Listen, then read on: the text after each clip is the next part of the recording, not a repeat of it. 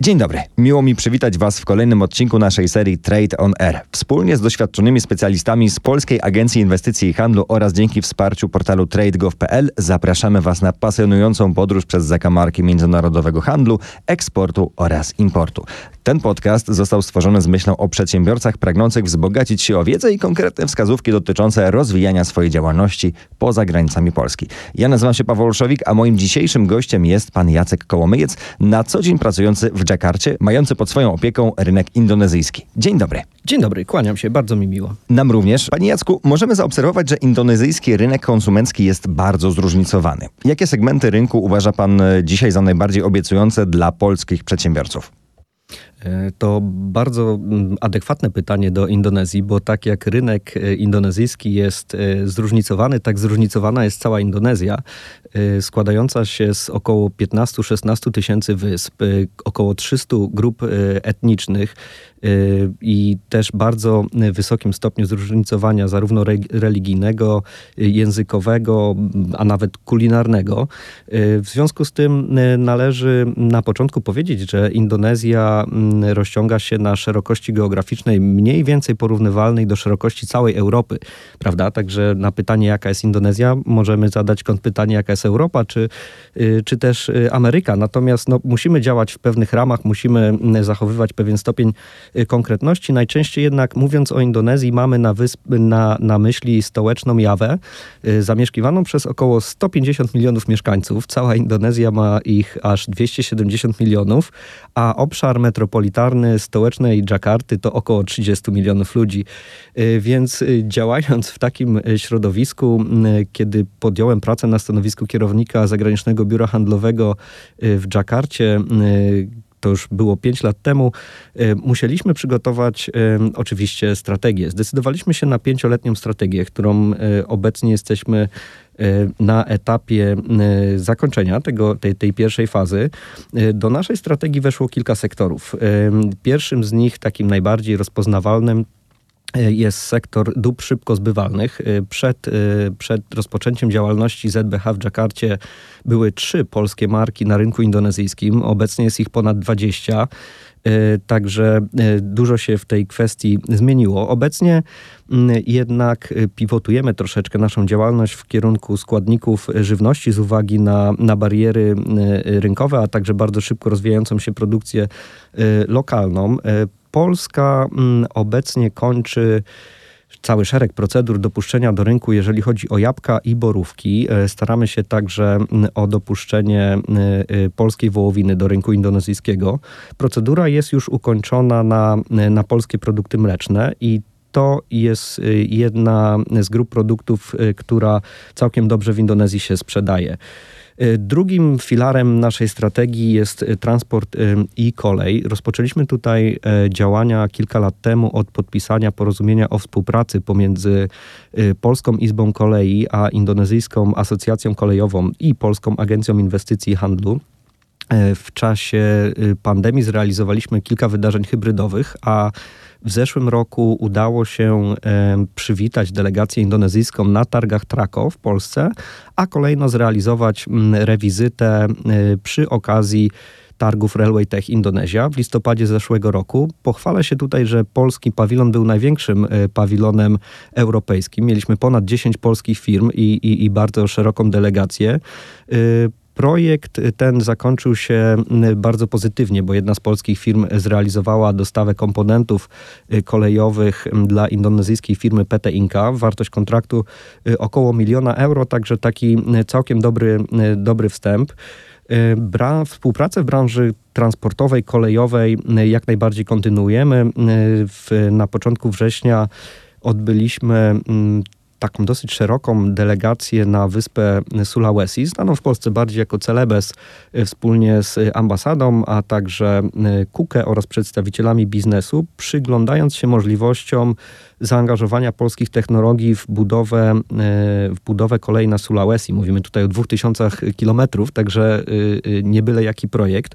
Mm, oprócz tego Jakarta buduje mm, metro, rozwija pierwszą nitkę i także planujesz kolejne, a także kolejkę miejską.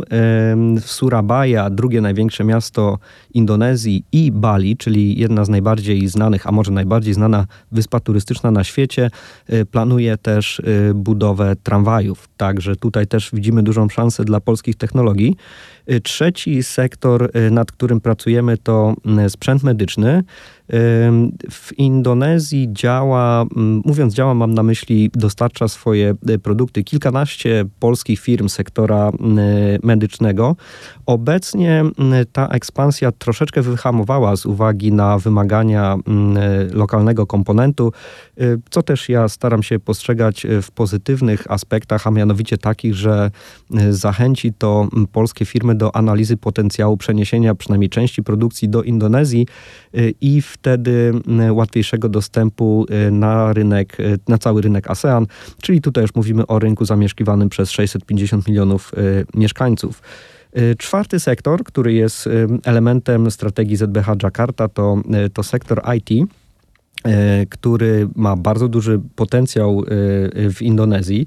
E, ponadto mm, e, widzimy dużą szansę, szczególnie obecnie, e, te tematy środowiskowe są na pierwszych stronach gazet.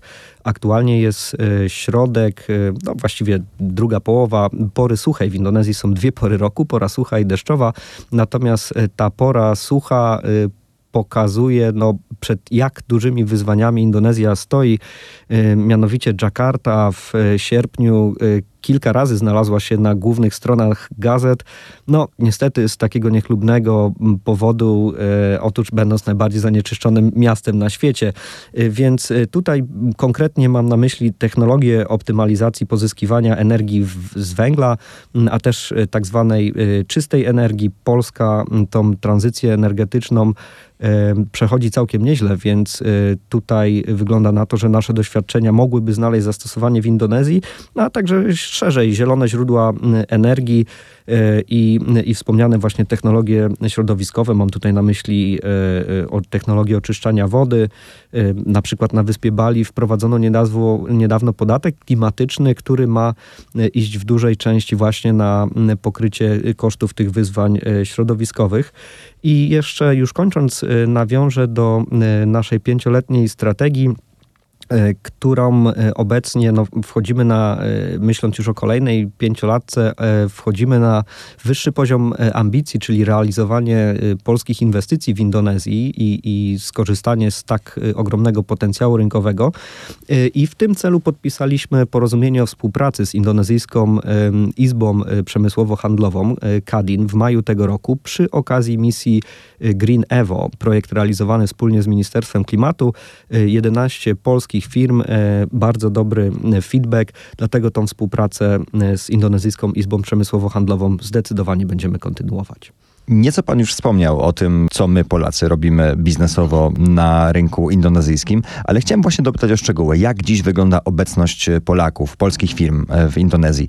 Czy mamy jakieś sukcesy, o których może nie każdy jeszcze wie, a powinien? Tak, zdecydowanie. Tych, tych sukcesów jest, jest całkiem sporo.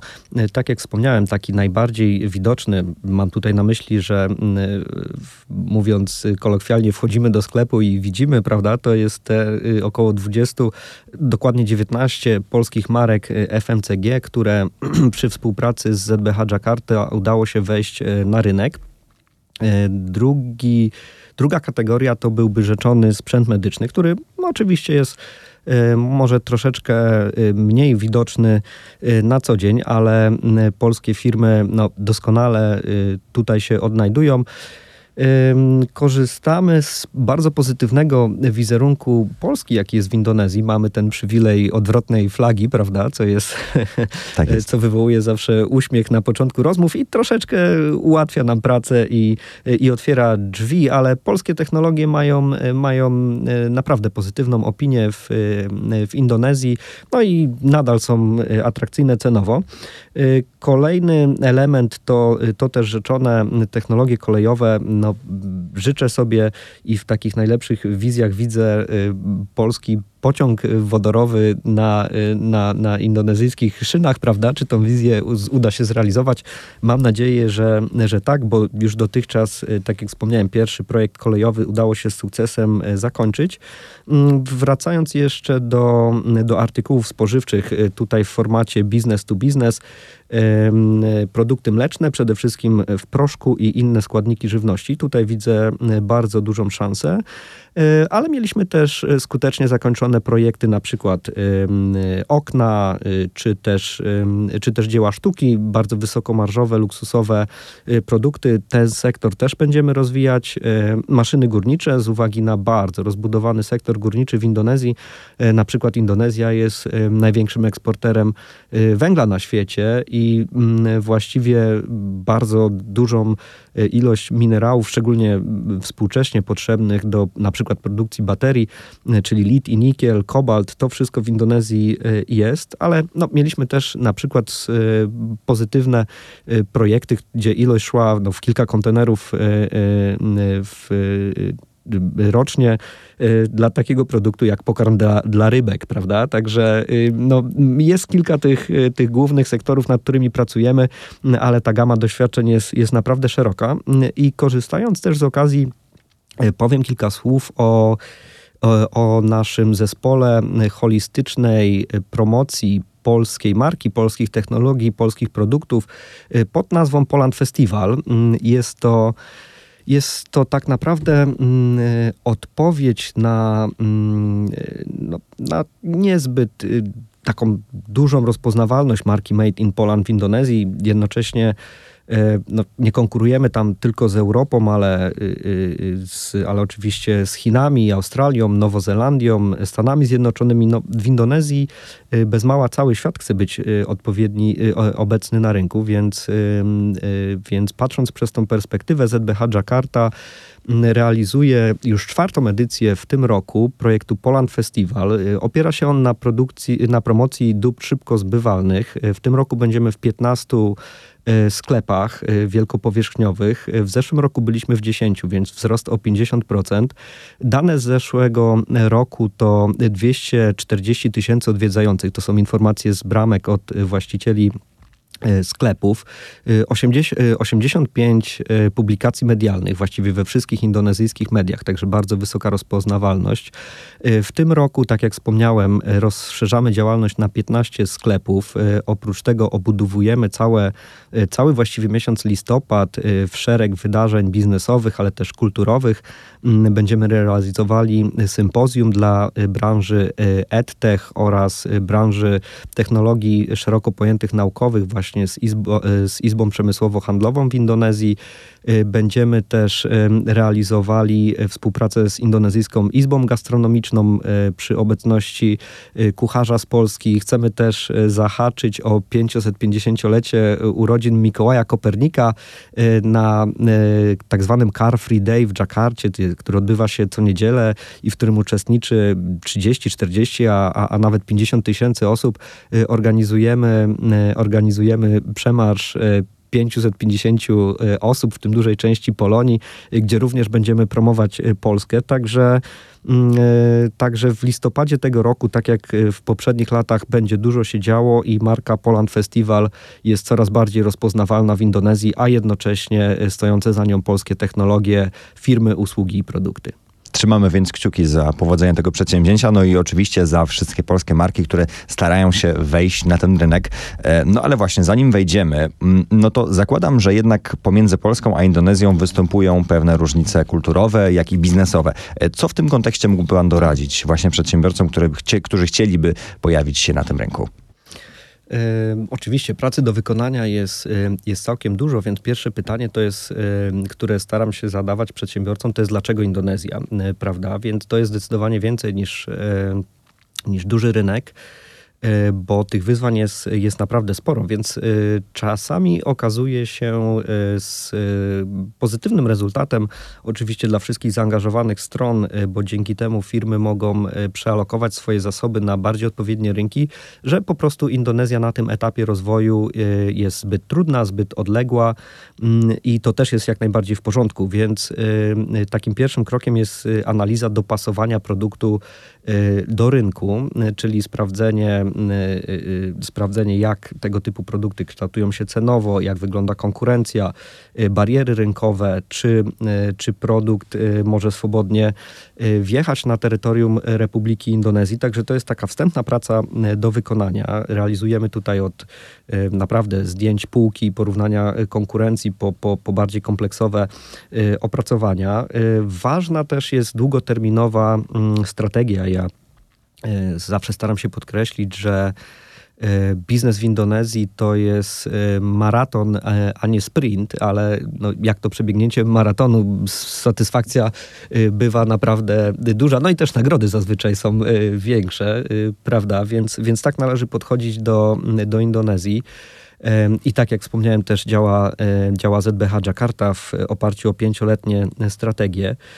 Mm, Indonezja jest y, na pewno bardzo relacyjna, y, więc nawet jeżeli y, tabelka w Excelu, upraszczając oczywiście, mm, świeci się na zielono, prawda, czyli cena jest ok i produkt jest, jest ok, to mieliśmy takie, takie projekty, gdzie no, następowało milczenie, prawda? No i Indonezyjczycy, y, korzystając z instytucji y, azjatyckiej, zachowania azjatyckiej twarzy, tak, nie powiedzą nie, y, czy, czy, czy nie odmówią.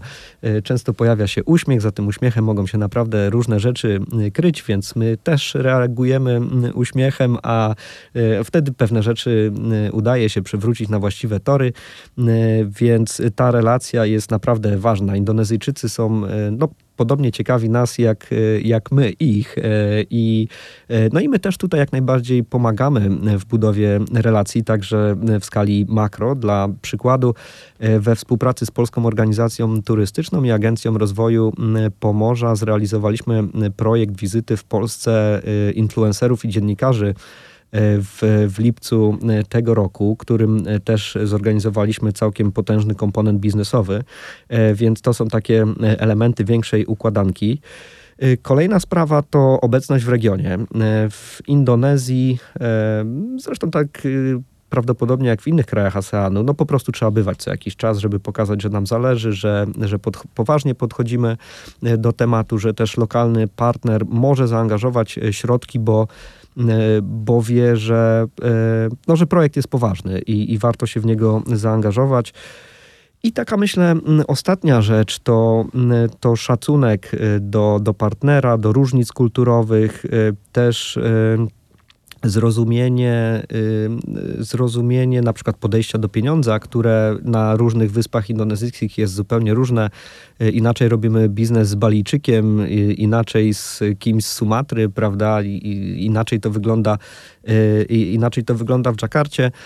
No i na pewno też trzeba być, trzeba być zdystansowanym do, do, do działań, co wiąże się też z tym, że, że efekty mogą przyjść po, po dłuższej chwili. Także wydaje mi się, że, że tutaj oczywiście tematu nie wyczerpuję, ale, ale takie będą główne elementy, które powinniśmy, e, mówię powinniśmy, bo, bo, bo mam tutaj na myśli naszą e, pracę z przedsiębiorcą, e, brać pod uwagę. Jaki wpływ mają lokalne regulacje i przepisy na zagranicznych inwestorów w Indonezji? Czy są jakieś specyficzne wytyczne, które polskie firmy powinny wziąć pod uwagę? Wiem, że jednym ze źródeł, z którego możemy czerpać wiedzę na ten temat jest portal trade.gov.pl. Dlaczego warto polecić go przedsiębiorcom? Tak, tych barier wejścia na rynek w Indonezji jest tak naprawdę cały szereg tutaj indonezyjskie władze mają mm, takie pojęcie, jakby mm, opłaty y, oficjalnie przyjęte, nazwijmy to, czyli mam na myśli cła importowe, są dla nich niewystarczające. Y, wielokrotnie pod, podkreślają e, skalę, wielkość swojego rynku. No i też gdzieś w tle, aczkolwiek nie na taką skalę, jak, jak prawdopodobnie w krajach afrykańskich, jest też ten element kolonializmu, Aczkolwiek, tak jak mówię, nie, nie wzbudza on y, w Indonezji negatywnych, jednoznacznie negatywnych skojarzeń, no ale jeżeli można z niego skorzystać, prawda, przy, przy pewnych działaniach, to dlaczego nie? Więc Indonezyjczycy tak też do tego podchodzą. Aktualnie, jeżeli chodzi o bariery rynkowe, to na topie jest dyskusja na temat certyfikatu halal. W przyszłym roku, w październiku przyszłego roku stanie się on obowiązkowy dla produktów spożywczych i kosmetycznych po pięcioletnim okresie przejściowym, więc to jest jak najbardziej do rozważenia dla polskich firm. Współpracujemy tutaj z, z jednostkami certyfikującymi w Polsce i y, pomagamy im w kontaktach z indonezyjskim Ministerstwem Religii, które y, tymi sprawami się zajmuje. Inne bariery rynkowe dla produktów spożywczych to rejestracja w urzędzie, który nazywa się BEPOM. Należy tutaj przedstawić skład produktu, sposób produkcji, różne certyfikaty i ta rejestracja, mówimy tutaj o produktach, które trafiają do sprzedaży bezpośredniej, ta rejestracja trwa no, nawet kilka miesięcy. Natomiast jeżeli chodzi o nieprzetworzone produkty, wymagane jest dopuszczenie w Ministerstwie Rolnictwa, tak zwany proces country recognition lub też laboratory recognition. Polska ukończyła ten sposób dopuszczenia dla, dla produktów mlecznych. Natomiast obecnie jesteśmy już na, y, ukończyliśmy już też ten proces y, na jabłka y, których eksport powinien rozpocząć się od przyszłego roku. Jesteśmy na ostatniej prostej, jeżeli chodzi o borówki i też produkty mięsne, wołowina. Myślę, że w przeciągu roku, dwóch mam oczywiście nadzieję, że w przyszłym roku ta procedura będzie już, e, już ukończona. E, w tle tego wszystkiego, o czym mówię, jest też umowa o wolnym handlu z Unią Europejską, która byłaby bardzo pomocna, ale negocjowana jest już od wielu lat. Mieliśmy 15 rund negocjacyjnych i no, wydaje się, że będą jeszcze potrzebne kolejne. E, wspomnę też o, o certyfikacji SNI, Standard National Indonesia, która jest wymagana dla coraz większej grupy produktów, a służy to temu, żeby zachęcić firmy do budowania fabryk w Indonezji. Indonezja ma bardzo duże ambicje, jeżeli chodzi o ściąganie inwestycji zagranicznych i, no i tutaj konkuruje w regionie przede wszystkim z Wietnamem, e, e, z Filipinami, także dokłada tych barier rynkowych, żeby stymulować, stymulować wzrost inwestycji. No, z różnym skutkiem jest to dosyć kontro, kontrowersyjna metoda. Ostatnia też bariera to jest, to jest tak zwany local content, czyli e, czynnik lokalny. Dotknęło to urządzenia medyczne, które no, też Indonezja postanowiła, że będzie rozwijała tą branżę sprzętu medycznego u siebie. Także jest tego całkiem sporo. Zapraszamy serdecznie do, do konsultacji, e, a oczywiście takim pierwszym, e, pierwszym krokiem będzie portal tradegov.pl. E, jeżeli chodzi o jego merytorykę, to charakterystyka rynków publikowana jest w zakładce wiedza a w zakładce kierunki eksportu można wejść na podstronę państwa i kolejno pod opisem kraju i ogólną charakterystyką są dostępne wpisy zakładek aktualności, wiedza czy, czy też kalendarz. E, profil, e, po założeniu profilu portal może być, e, być spersonalizowany i wtedy użytkownik widzi tylko informacje na temat wybranej branży i, i kierunku, także jest on dosyć przychylny użytkownikowi. Zdaje się, że Indonezja ma młodą i dynamiczną populację. Jakie są kluczowe trendy konsumenckie wśród młodych ludzi w Indonezji i jakie są ich oczekiwania wobec produktów i marek? Tak, to przede wszystkim e, Indonezyjczycy mm, e, w sile około 270 milionów e, obywateli są społeczeństwem bardzo młodym, wielodzietnym. I e, bardzo ważną rolę odgrywa dla nich e, mobilność i co za tym idzie silna prezencja e, w social mediach. Według danych Indonezja to danych firmy TikTok, o której chcę powiedzieć, Indonezja to największy rynek w Azji Południowo-Wschodniej i uwaga, drugi co do wielkości rynek na świecie po Stanach Zjednoczonych z, ze 125 milionami użytkowników. I podobnie sprawa wygląda z, z Instagramem, bo tutaj jest około 110 milionów Indonezyjczyków i faktycznie to widać na ulicach, w restauracjach, barach czy, czy też innych miejscach spotkań. Indonezyjczycy no, naprawdę spędzają mnóstwo czasu z, z nosem w telefonie, więc chcąc dotrzeć do konsumentów, musi polska firma za pośrednictwem importera, czy też kiedy zdecyduje się na realizowanie tych działań e, na własną rękę, ta obecność w social mediach jest, e, jest naprawdę niezbędna. Jeżeli chodzi o trend preferencji produktów importowych, mm, obserwujemy jego stopniowe ustępowanie e, na rzecz rosnących takich nastrojów troszeczkę nacjonalistycznych, gdzie Indonezyjczycy też starają się budować tą markę, czyli z dumą wyprodukowane w Indonezji, kupujcie lokalne, i e, ten trend zdecydowanie też na rynku jest już obecny. Rośnie też e, powoli, e, dużo wolniej niż, niż w Polsce, czy też w krajach, nawet regionu, które miałem przyjemność odwiedzić, świadomość żywności ekologicznej, żywności tak, tak, tak zwanej zdrowej, prawda? Cokolwiek to znaczy, bo to musielibyśmy wtedy dojść do wniosku, że mamy żywność niezdrową, ale zostawmy to na boku. Indonezyjczycy są, są coraz bardziej świadomi tego, co jedzą, bo po prostu bogacą się. Klasa średnia jest szacowana E, na rok 2025 na 80 milionów osób, więc jest to e, całkiem potężna grupa, e, która no, już jest coraz, coraz bardziej świadoma. Ważne są też działania na rzecz środowiska. Te, te problemy, tak jak wspomniałem, są naprawdę widoczne, więc tutaj można budować public relations w takim bardzo pozytywnym świetle. No i też y, niestety duża jest częstotliwość e, występowania różnych e, zjawisk naturalnych, trzęsień ziemi. Mieliśmy też, mieliśmy też no, kilka tsunami podczas mojej obecności w Indonezji która przy okazji już trwa kilkanaście lat, także w Indonezji byłem przed rozpoczęciem pracy w Polskiej Agencji Inwestycji i Handlu, także z tego mo, moje, moje wypowiedzi są z szerszego punktu widzenia. Także, e, także te działania, tak zwane CSR, są, są bardzo mile widziane. E, I ostatnia rzecz, którą chciałbym wymienić, to marketing skierowany bardziej na sens przy, na, taki, na poczucie przynależności. W Indonezji, w Indonezji bardzo dużą rolę odgrywają stowarzyszenia, asocjacje. To jest od miłośników motorków typu Honda, prawda, po, po konsumentów butel, butelek wody w półlitrowych opakowaniach na przykład, prawda. No, do wszystkiego są asocjacje, grupy, stowarzyszenia, więc warto, aby nasz produkt też dawał taki sens przynależności do, do większej grupy,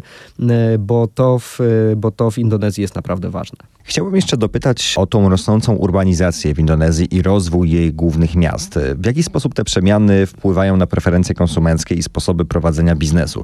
Czy rodzi to dla nas i dla naszych przedsiębiorców szansę, czy raczej wyzwanie?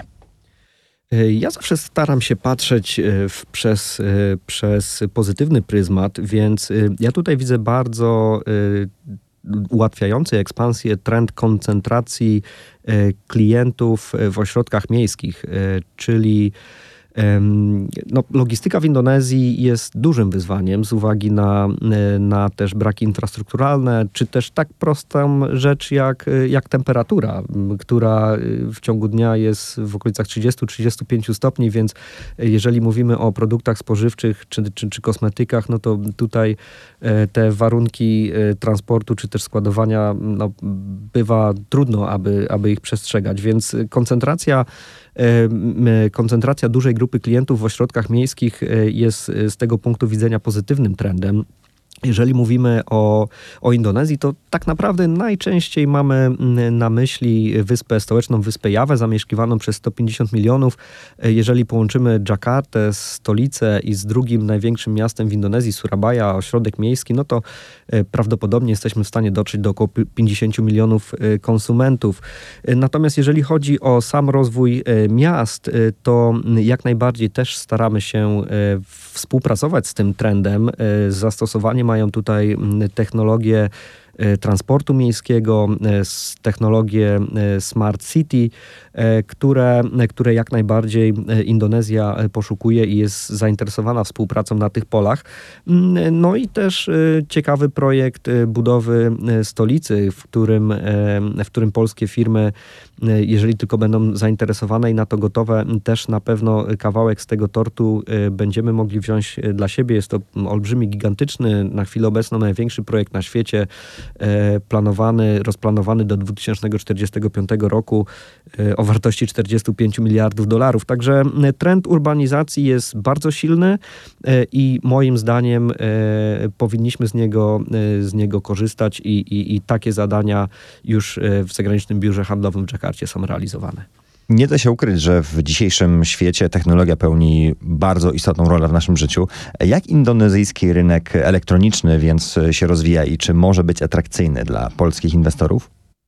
E, tak, jak najbardziej. Tutaj przede wszystkim wrażenie robi e, skala. E, jeżeli chodzi o sam ekosystem technologiczny w Indonezji, działa ponad 2000 powiedz 2-2,5 tysiąca e, startupów, w tym, e, uwaga, 9 jednorożców i dwa tak zwane dekarożce, czyli firmy o waloryzacji ponad 10 miliardów dolarów. Także no tutaj skala jest, jest gigantyczna. E, bardzo ważny jest trend e-commerce.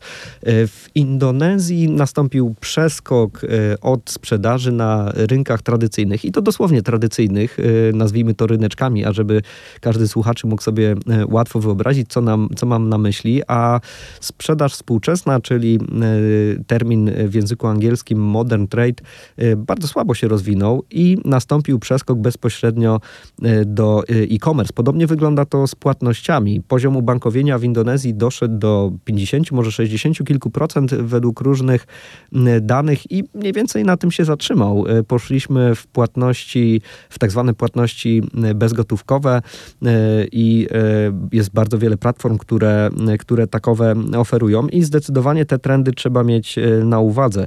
E, wracając do, e, do e-commerce to i, i status jednorożca, czyli waloryzacja powyżej miliarda dolarów, to aż pięć platform uzyskało taki status przed nadejściem pandemii.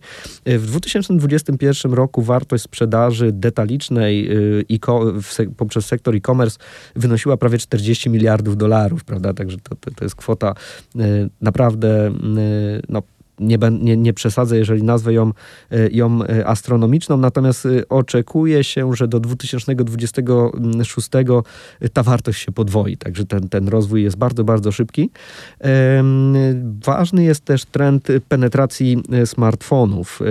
Korzysta z nich około 80% populacji, co jest bardzo dużo, jeżeli weźmiemy pod uwagę, że Indonezja to też, prawda, dzika Papua, czy, czy, czy też e, no, terytorialne Borneo, e, Sumatra, więc 80% użytkowników smartfonów e, to, to całkiem dużo. Natomiast jeżeli chodzi o zarejestrowane telefony komórkowe w Indonezji, to jest ich blisko 400 milionów, czyli 1,4 na, na osobę, co, co też jest bardzo, bardzo no, taką robiącą wrażenie wartością.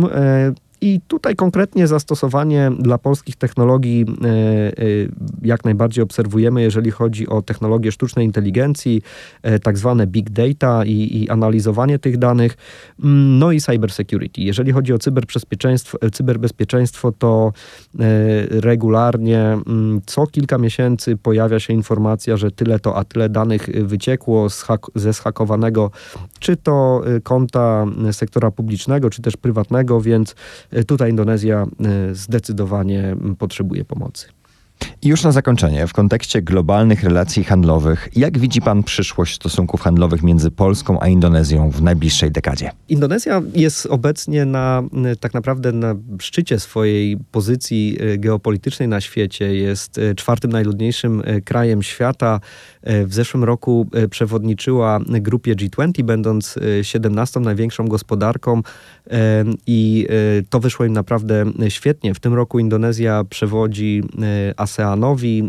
We wrześniu zostało zrealizowane Forum Indo-Pacyfiku, a także szczyt ASEAN, więc Indonezja jest bardzo ważnym graczem, jeżeli przyjmiemy punkt widzenia taki no, makro, makropolityczny. Jeżeli czytam informacje z Indonezji, to wizyty odbywają się na poziomie cesarz Japonii, niedawno była Kamala Harris, więc takie naprawdę najwyższa półka światowej polityki. W zeszłym roku ciekawie mogliśmy obserwować taką rywalizację pomiędzy światem anglosaskim a, a Chinami, kiedy to następowała licytacja na temat, czy na przykład zapraszać Putina, prawda, czy, czy, czy Ukraina powinna mieć więcej do, do, do polecenia i anglosasi mówili, no przeznaczymy taką a taką kwotę, na przykład na budowę nowej stolicy, a, a, a jakiś czas temu deklaracja ze strony Chin przebijała tą wartość, więc tutaj Indonezja e, dużo korzystała. No, natomiast jeżeli chodzi o takie liczby e, już, które bezpośrednio przekładają się na skalę tego rynku, to 80 milionów, klasa średnia w, w pewnie to troszeczkę zostanie y, opóźnione przez pandemię. Są to szacunki y, z roku 2020. Y, e, niemniej jednak ta klasa średnia zdecydowanie rośnie. Do 2050 szacuje się, że Indonezja osiągnie status trzeciej największej gospodarki na świecie. Jest to kraj stabilny politycznie. Obecny prezydent Jokowi z powodzeniem zrealizował dwie kadencje, natomiast ta kultura polityczna E, jest tam e, troszeczkę inna, e, bardziej spokojna i, i też zdecydowanie, zdecydowanie długoterminowa. Także ja widzę bardzo dużo szans pomiędzy, pomiędzy Polską a Indonezją, których zrealizowanie wymagać jednak będzie bardzo dużo pracy, przede wszystkim po naszej stronie, bo no, Indonezja jest E, jest e, rozpieszczana przez innych uczestników globalnego rynku z uwagi na, na swoją pozycję, na swój wielki rynek, na, e, na zasoby mineralne. Także podejście długoterminowe też do tych relacji polsko-indonezyjskich musi być zastosowane i zrealizowane tak jak przy, przy, przy okazji każdego pojedynczego projektu. Panie Jacku, bardzo serdecznie dziękuję za rozmowę. Również dziękuję serdecznie i pozdrawiam. Jeżeli macie ochotę zgłębić tematykę międzynarodowego handlu, eksportu czy importu jeszcze bardziej, serdecznie zapraszam Was na portal trade.gov.pl. Jest to miejsce, gdzie możecie znaleźć jeszcze więcej informacji, ale też nawiązać cenne kontakty biznesowe z partnerami z całego świata. Zachęcamy także do regularnego śledzenia podcastu Trade On Air na platformie RMFON. W każdym odcinku stawiamy sobie za cel dostarczenie Wam najważniejszych informacji i wartościowych wskazówek. Do usłyszenia. Dziękuję. Materiał został zrealizowany w ramach projektu Eksport, Import, Inwestycje TradeGov.pl prowadzonego przez Polską Agencję Inwestycji i Handlu.